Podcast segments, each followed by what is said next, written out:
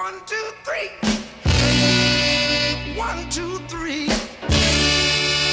Muzyczne 3 po 3 opowiada Jerzy Węgrzyn.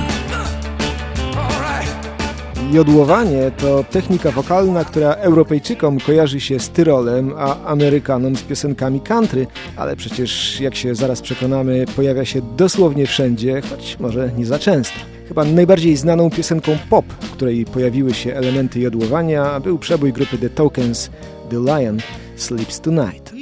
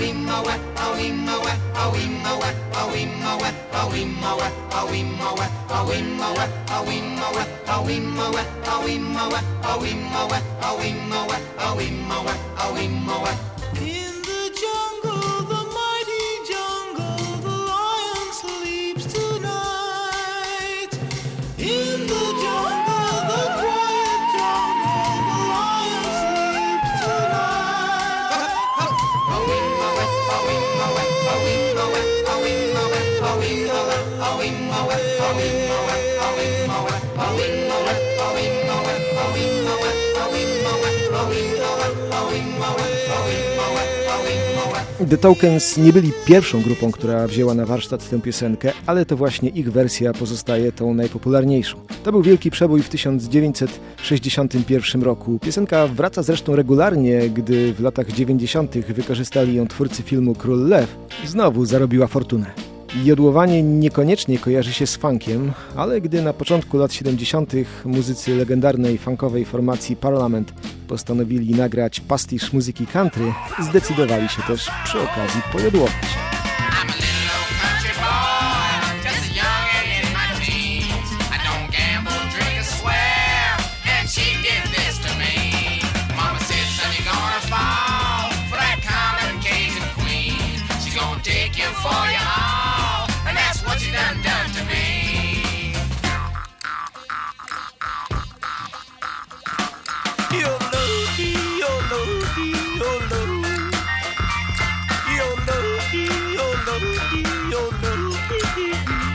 Piosenka Little Old Country Boy nie była przebojem, ale po latach wysamplowali fragment i włożyli do swego utworu raperzy z De La Soul, po czym umieścili na swym bestsellerowym albumie.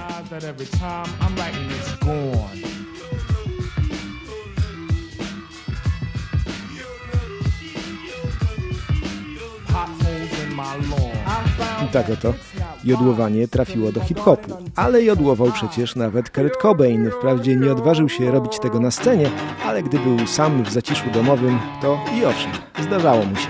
No a dzięki temu, że włączył przy okazji klawisz play w swoim magnetofonie, możemy dziś nawet tego posłuchać.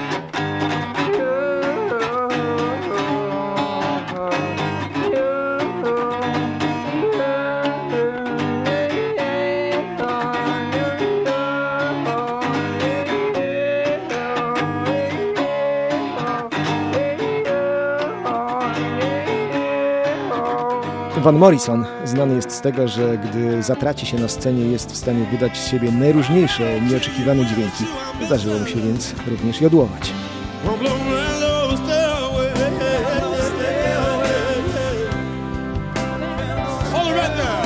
Do tej pory słuchaliśmy wokalistów płci męskiej, ale przecież kobiety również potrafią jodłować. Tak robiła to parę lat temu Wanda Jackson. Come and blow my blues away.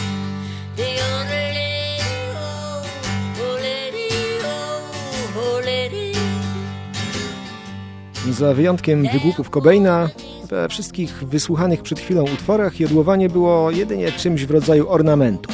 Artyści śpiewali normalny tekst, po czym przez moment jodłowali. Ale jest jeden rock'n'rollowy kawałek, gdzie oprócz jodłowania nie ma nic. I co najciekawsze, to był przebój, pewnie jedno z bardziej ekscentrycznych nagrań, jakie wcisnęły się na listę. Udało się to hard rockowej grupie z Holandii. Grupa nazywała się Focus, a narodowość muzyków nie jest bez znaczenia, bo ponoć bardzo chcieli zaistnieć na rynku anglosaskim, a nie byli przekonani, czy wystarczająco dobrze radzą sobie z językiem angielskim, zdecydowali się więc na taką sztuczkę. Zresztą nazwali tę swoją piosenkę Hokus Pokus. No i faktycznie udało im się zwrócić na siebie uwagę. Tak naprawdę piosenka wraca do dziś, całkiem niedawno, za sprawą filmu Baby Driver, zaintrygowała i ubawiła kolejne pokolenia.